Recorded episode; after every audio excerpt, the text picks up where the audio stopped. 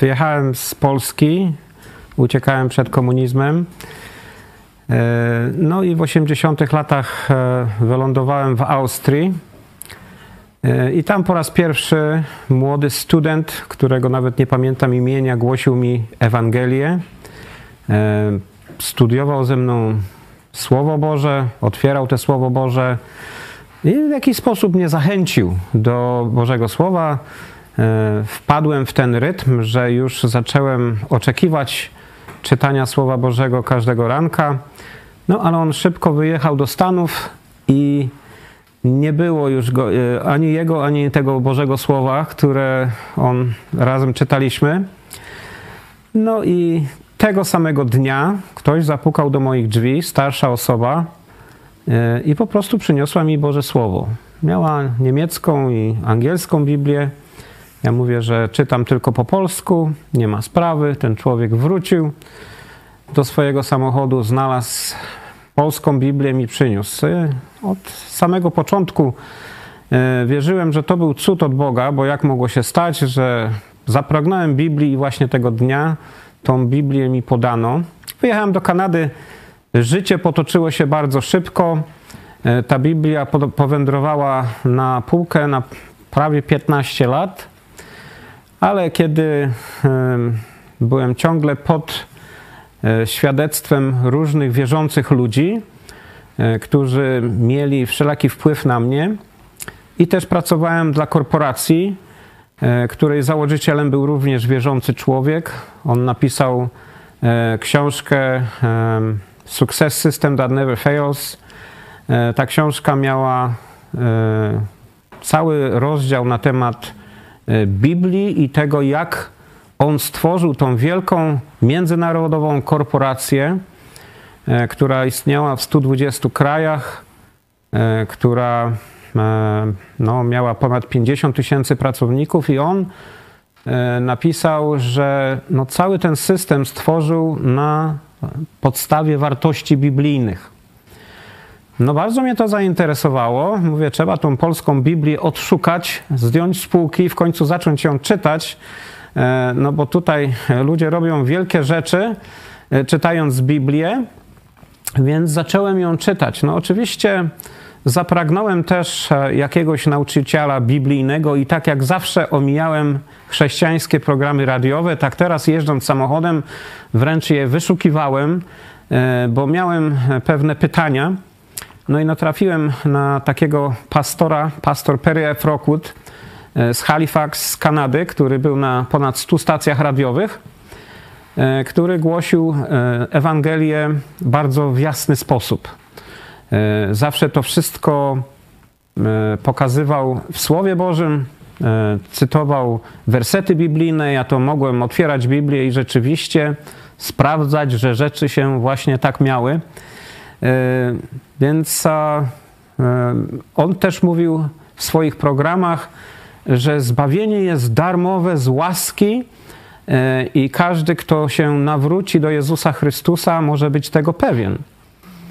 I mówi, że napisał taką książkę, e, no taką broszurę można by powiedzieć, e, która właśnie miała tytuł Jak być zbawionym i być tego pewien i o tym wiedzieć. Więc zamówiłem taką broszurę, żeby mi przysłał, przeczytałem ją, E, rzeczywiście było to dla mnie coś nowego, bo w Kościele katolickim e, zawsze byłem nauczany, że trzeba sobie na to zasłużyć, a teraz sprawdziłem w Biblii, że sprawy się mają zupełnie inaczej. Byłem trochę zły, że 14 e, lat chodzenia na religię, nikt nigdy nie podzielił się ze mną tą wiadomością. Więc odpisałem temu pastorowi, podziękowałem mu za tą książkę. I napisałem coś takiego, że bardzo mu dziękuję, e, że w końcu teraz dowiedziałem się, e, co to znaczy być zbawionym. E, jak tylko swoje życie poukładam, to nawrócę się do Jezusa Chrystusa. A on mi odpisał: Chłopie, ty nic nie zrozumiałeś. Ty przychodzisz do Jezusa taki, jaki jesteś, grzeszny, i pozwolić Jezusowi zmienić Twoje życie, bo sam nie dasz rady. No więc przyjąłem to do wiadomości i mówię, że taki dzień kiedyś nadejdzie, że to zrobię. No ale minął miesiąc, minął dwa, ja sobie nadal mówiłem, że pewnego dnia na pewno to zrobię. E, jestem grzesznikiem, ja potrzebuję Jezusa, muszę to zrobić. Minęły miesiące, ale nadal tego nie zrobiłem. No i kiedyś e, znowu włączyłem program pastora Rokuda. No i on mówi, jakby mówił do mnie. No, przeczytałeś broszurę, słuchasz programów, wiesz, że musisz być zbawiony, wiesz, że bez Jezusa nie możesz osiągnąć zbawienia, a nadal tego nie zrobiłeś. dlaczego? No, ja mówię, no dobre pytanie, nie wiem dlaczego. No on do tego mówi, że dzisiaj jest dzień zbawienia. Tak mówi Słowo Boże. No nie mogłem się z nim z tego nie zgodzić, więc tak jak stałem, mówię, no i tak zawsze chciałem to zrobić. Więc upadłem na kolana, przeprosiłem Boga za moje grzechy. No i wszystko się zmieniło.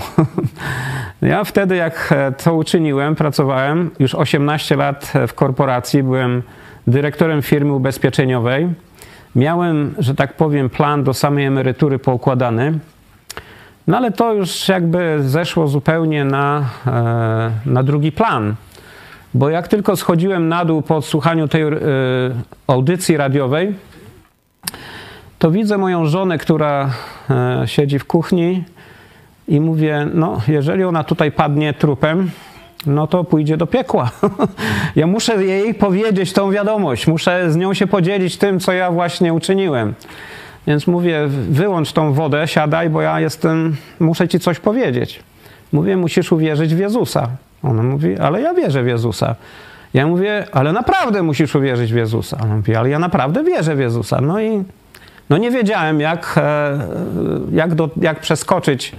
E, no, oczywiście byłem nowo nawrócony, mało wiadomości, dużo entuzjazmu. Byłem sprzedawcą ubezpieczeń, to zastosowałem trochę presji. No i wtedy żona już zupełnie, e, że tak powiem, nie chciała słuchać dalej. Więc pomyślałem sobie, że potrzebuję pomocy. Jak bardzo się zarzekałem, że nigdy więcej nie pozwolę, żeby jakiś kościół mnie zwiódł E, tak teraz pomyślałem, że no czytam Biblię, jednak chyba, jednak chyba Słowo Boże mówi, że muszę być w ciele Jezusa Chrystusa, że muszę mieć jakieś relacje z wierzącymi. I przydałby się ktoś, żeby w końcu wytłumaczył mojej żonie, że ona potrzebuje nawrócenia. E, no i tak e, szukaliśmy zboru, nie mogliśmy znaleźć, więc postanowiliśmy, że polecimy do tego pastora radiowego, E, do jego studia, gdzie nakręcał te programy i poznamy go. On akurat miał konferencję, więc 4,5 tysiąca kilometrów z zachodniej Kanady do Halifaxu w Nowej Skocji. E, polecieliśmy, spędziliśmy tam 10 dni. E, tą książeczkę, przez którą się nawróciłem, jak być zbawionym i o tym wiedzieć, była tam w 36 językach, ale nie, było, nie była ta książka przetłumaczona na polski, więc pastor Rokut e, zlecił mi to zadanie, abym tą książkę przetłumaczył. E, później po powrocie e, dość szeroko rozpowszechnialiśmy w środowiskach polskich, w polskich sklepach w Edmonton. No, oczywiście za pierwszym razem chętnie przyjmowali jak te książeczki zniknęły, chcieliśmy czasem dołożyć więcej, to już była inna sytuacja.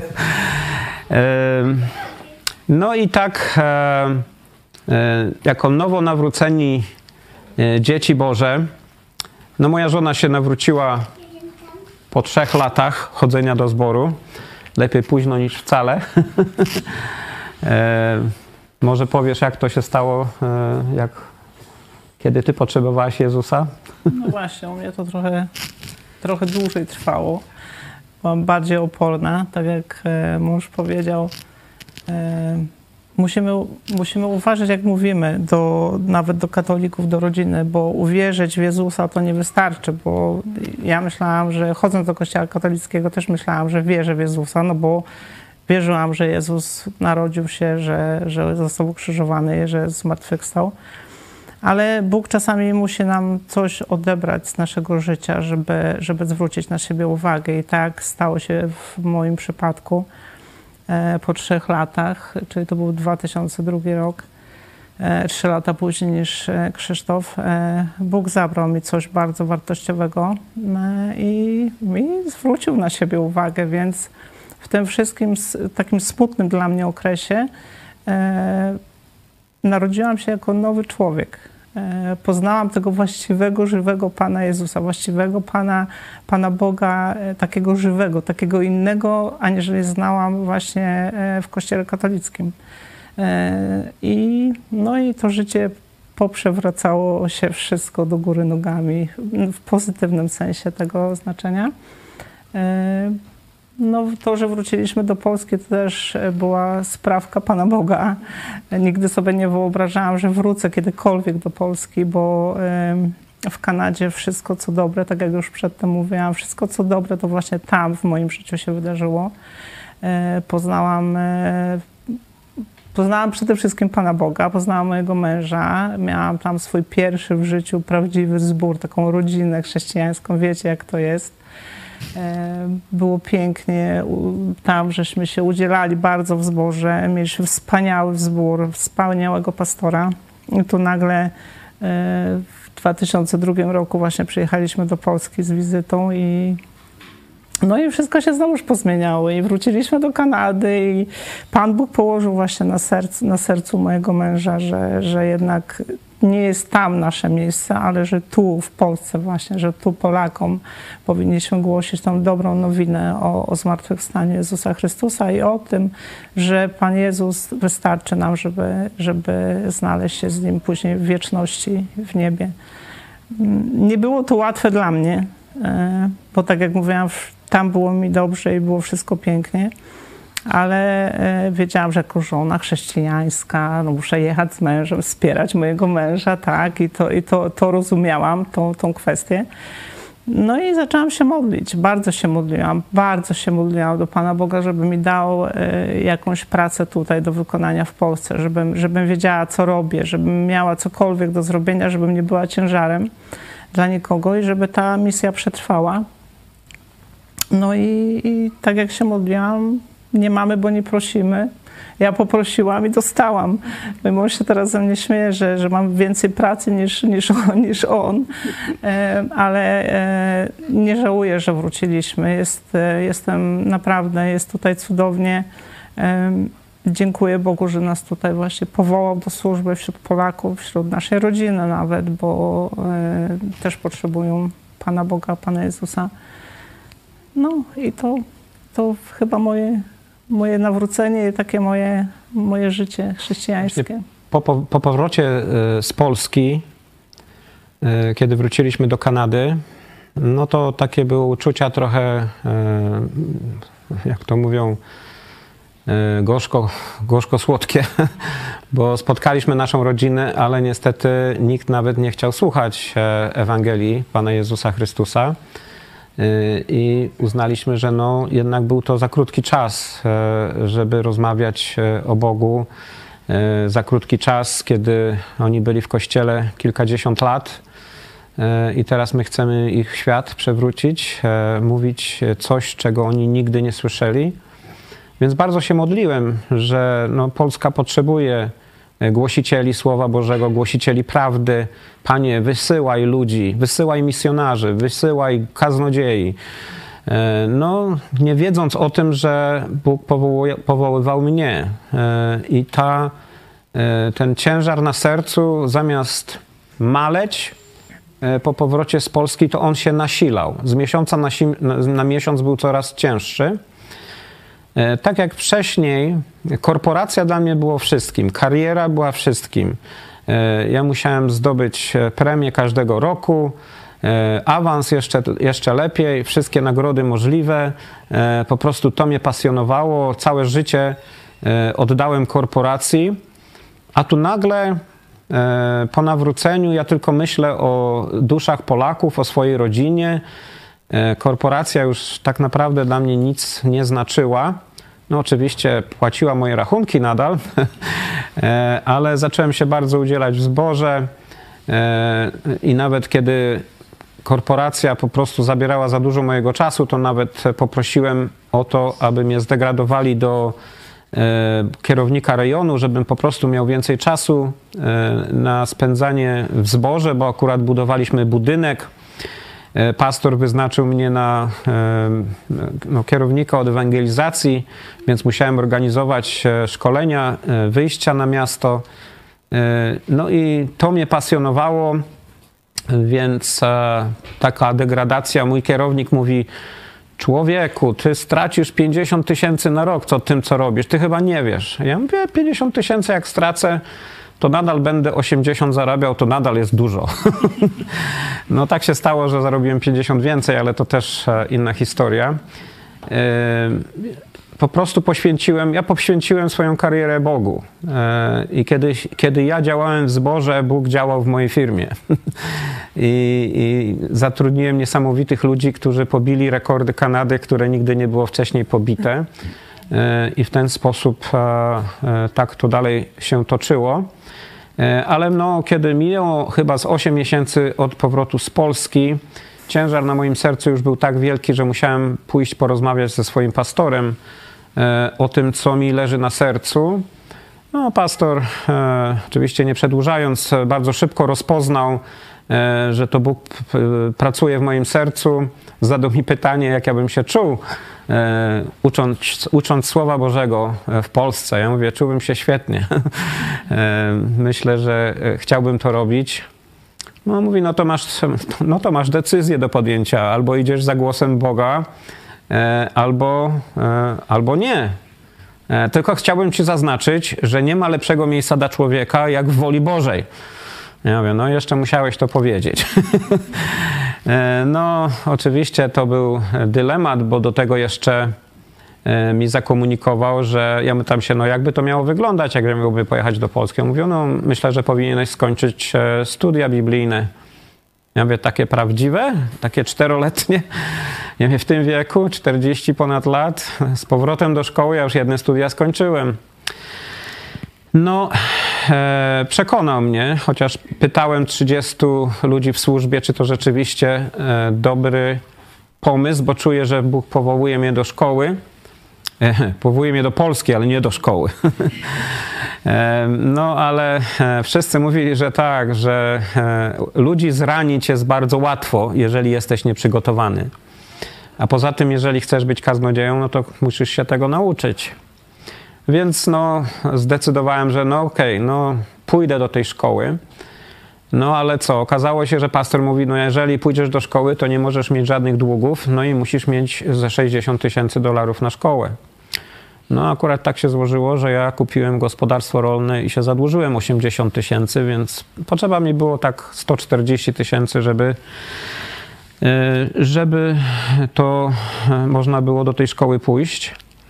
E, więc przyszedłem do domu uspokoiłem żonę. Mówię, wiesz co, tu już się nie denerwuj, bo chyba szybko do tej Polski nie pojedziemy. To chyba jest nasz jakiś, e, jakiś nasz projekt taki na emeryturę, nie? bo to trochę potrwa. No ale jak w ciągu dwóch miesięcy spłaciłem 80 tysięcy dolarów długu, to żona znowu zaczęła się denerwować. Bo mówi, chyba, chyba Bóg nie ma na myśli emerytury, tylko chyba już tak szybko. No i zaraz potem też pojawił się człowiek, który zechciał zapłacić e, za naszą szkołę, więc sprawy rzeczywiście potoczyły się bardzo szybko. E, najpierw wysłałem tego właśnie wcześniej e, faks, wtedy jeszcze swojej o to, żeby mnie po prostu przesunięto na niższą pozycję. Teraz napisałem następny faks, że chciałem w ogóle się do agenta, takiego zupełnie E, pozycji takiej agenta ubezpieczeń, no to już wtedy myśleli, że na pewno mam raka i będę pewnie niedługo umierał. No bo nikt czegoś takiego nie o zdrowych zmysłach nie robi po 18 latach e, w korporacji. E, no, miałem wtedy, odchodząc, miałem 70 tysięcy dolarów wypracowanych po prostu wznowień, czyli 1 y, stycznia wiedziałem już, że co najmniej 70 tysięcy dolarów zarobię. No i teraz e, sprzedaliśmy dom, spłaciliśmy resztę długów, e, kupiliśmy przyczepę. E, nie wszystkie rzeczy nasze się zmieściły, więc część złożyliśmy u naszych znajomych w piwnicy. To, co się zmieściło na przyczepę, i 2,5 tysiąca kilometrów do Stanów Zjednoczonych, do stanu Wisconsin, do szkoły biblijnej. Nie byłem najstarszym studentem, ale e, bardzo blisko. I no to był oczywiście pierwszy rok był bardzo ciężki. Znowu wdrożyć się w siedzenie w bibliotece do drugiej, trzeciej rano to było dość ciężko. ciężko. Ale to były najlepsze cztery lata mojego życia. No, jak, jak kończyłem szkołę, zawsze mówię, to już moja ostatnia szkoła. Oczywiście i tak młodzi ludzie mówią, że szkoła to e, nie jest coś, co oni chcieliby kontynuować. Większość ludzi nie lubi szkoły, ja też nie lubiłem. Ale właśnie po 40 szkoła zupełnie inaczej wygląda. Uwielbiałem, uwielbiałem się uczyć, uwielbiałem uczestniczyć w wszystkich tych sportowych e, zajęciach, mogłem grać w siatkówkę znowu, miałem czas na piłkę nożną, w lidze grać, w hokeja, e, uczyć się, no normalnie młodość znowu wróciła. E, pracowa- znaczy mieszkaliśmy, no, można by powiedzieć, jakby w bańce mydlanej, bo 700 e, studentów plus 300 osób obsługi uniwersytetu, 1000 wierzących ludzi na kampusie, E, wspaniała atmosfera, nikt nigdy kluczy, nikt nigdy domów nie zamykał. E, naprawdę funkcjonowaliśmy przez 4 lata jak wielka rodzina. E, no i przyszedł czas, kiedy szkoła się skończyła. W międzyczasie mogliśmy uczestniczyć w założeniu zboru tam w pobliżu uniwersytetu. Dwa lata żeśmy zakładali ten zbór. Ten zbór funkcjonuje do dzisiaj.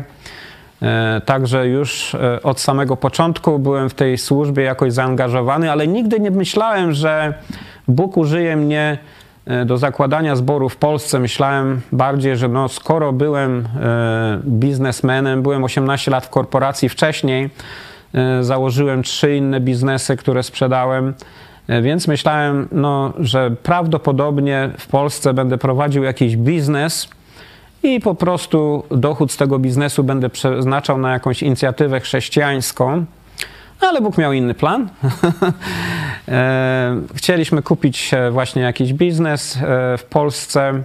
Bóg zamknął drzwi e, i zastanowiliśmy się, że z wszystkimi ludźmi, którymi, którymi żeśmy rozmawiali, wszyscy wskazywali na to, że no trzeba, trzeba tej edukacji chrześcijańskiej w Polsce. Trzeba zakładać szkoły chrześcijańskie, trzeba zakładać przedszkola chrześcijańskie.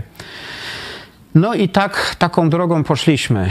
E, zaczęliśmy e, odwiedzać przedszkola chrześcijańskie, szkoły chrześcijańskie, poznawać ludzi. No trochę to trwało.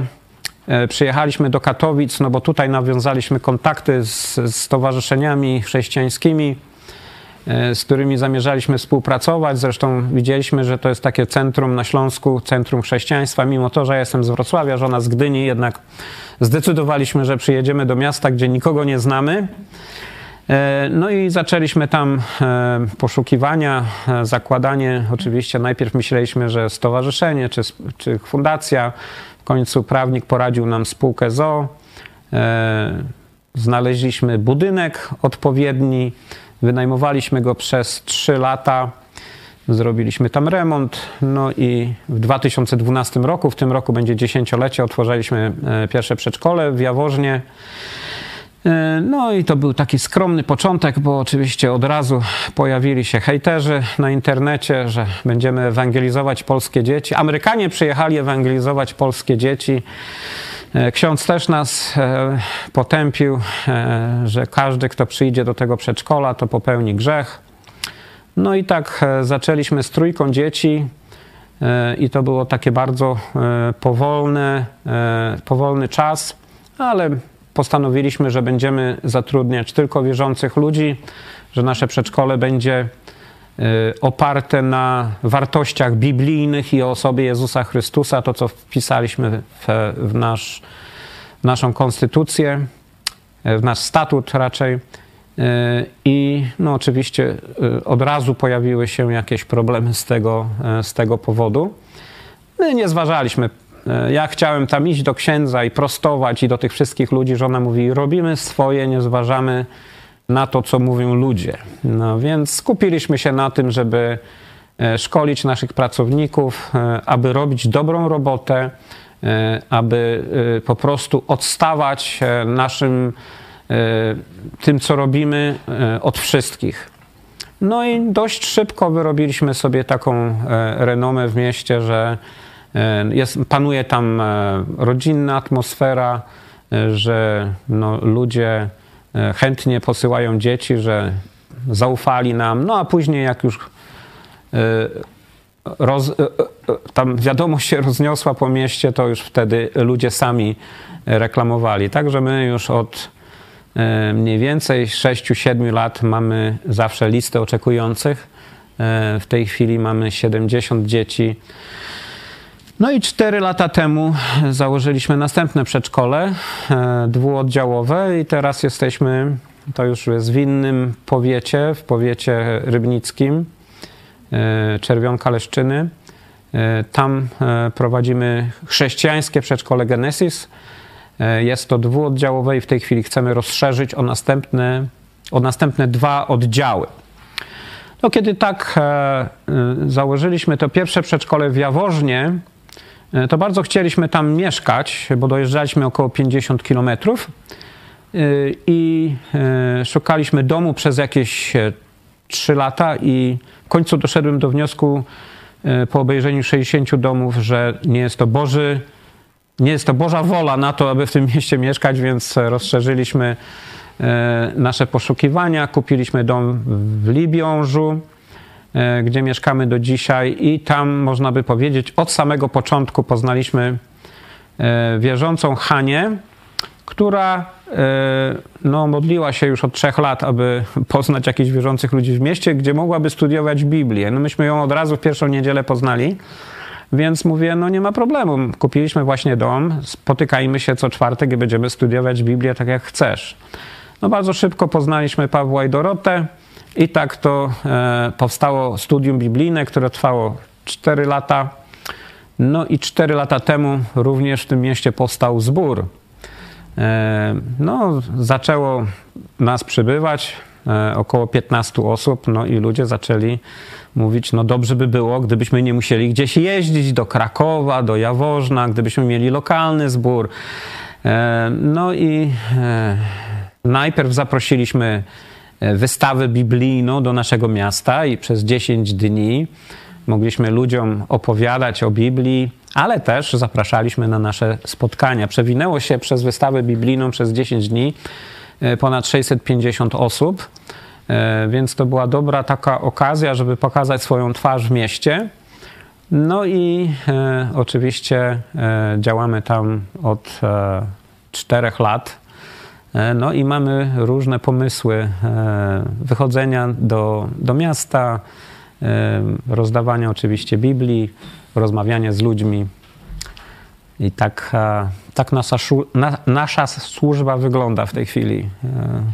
Prowadzimy, o właśnie, jeszcze jest jedna służba, która jest bardzo ważna. E, prowadzimy obozy chrześcijańskie. Już można by powiedzieć od drugiego roku studiów. Już na drugim roku, stu, drugim roku studiów przyjechaliśmy do Polski i zorganizowaliśmy pierwszy letni obóz w czasie wakacji. E, I tak to kontynuujemy już co roku. E, ponad 12 lat robimy co roku różne obozy dla dzieci, dla młodzieży, obozy rodzinne. Także tym roku mamy obóz w Zakopanem. Zawsze mówią, e, nie, nie, po, nie powinno się za sobą palić mostów. Ale myślę, że jak się idzie za Jezusem, to można łatwo palić mosty za sobą, bo wtedy, wtedy jest pełne zaufanie. E, ja, myśmy nie wiedzieli, naprawdę, kiedy jechaliśmy do Wisconsin, mieliśmy wiele pytań. Jak się utrzymamy? Moja rodzina dzwoniła. A jak wy się utrzymacie? A ja na wszystkie pytania odpowiedziałem, nie wiem. A co z twoją emeryturą? Nie wiem. A co, za co będziesz żył? No nie wiem. Ale wiem, że Bóg wie i na pewno się nami zaopiekuje i to jest naprawdę niesamowite świadectwo, jak Bóg się nami opiekował, więc Bogu można rzeczywiście zaufać. E, on ma 10 tysięcy obietnic w Biblii e, i te, te obietnice rzeczywiście on dotrzymuje każdą jedną i rzeczywiście można mu w 100% ufać, bo on się opiekuje swoimi dziećmi.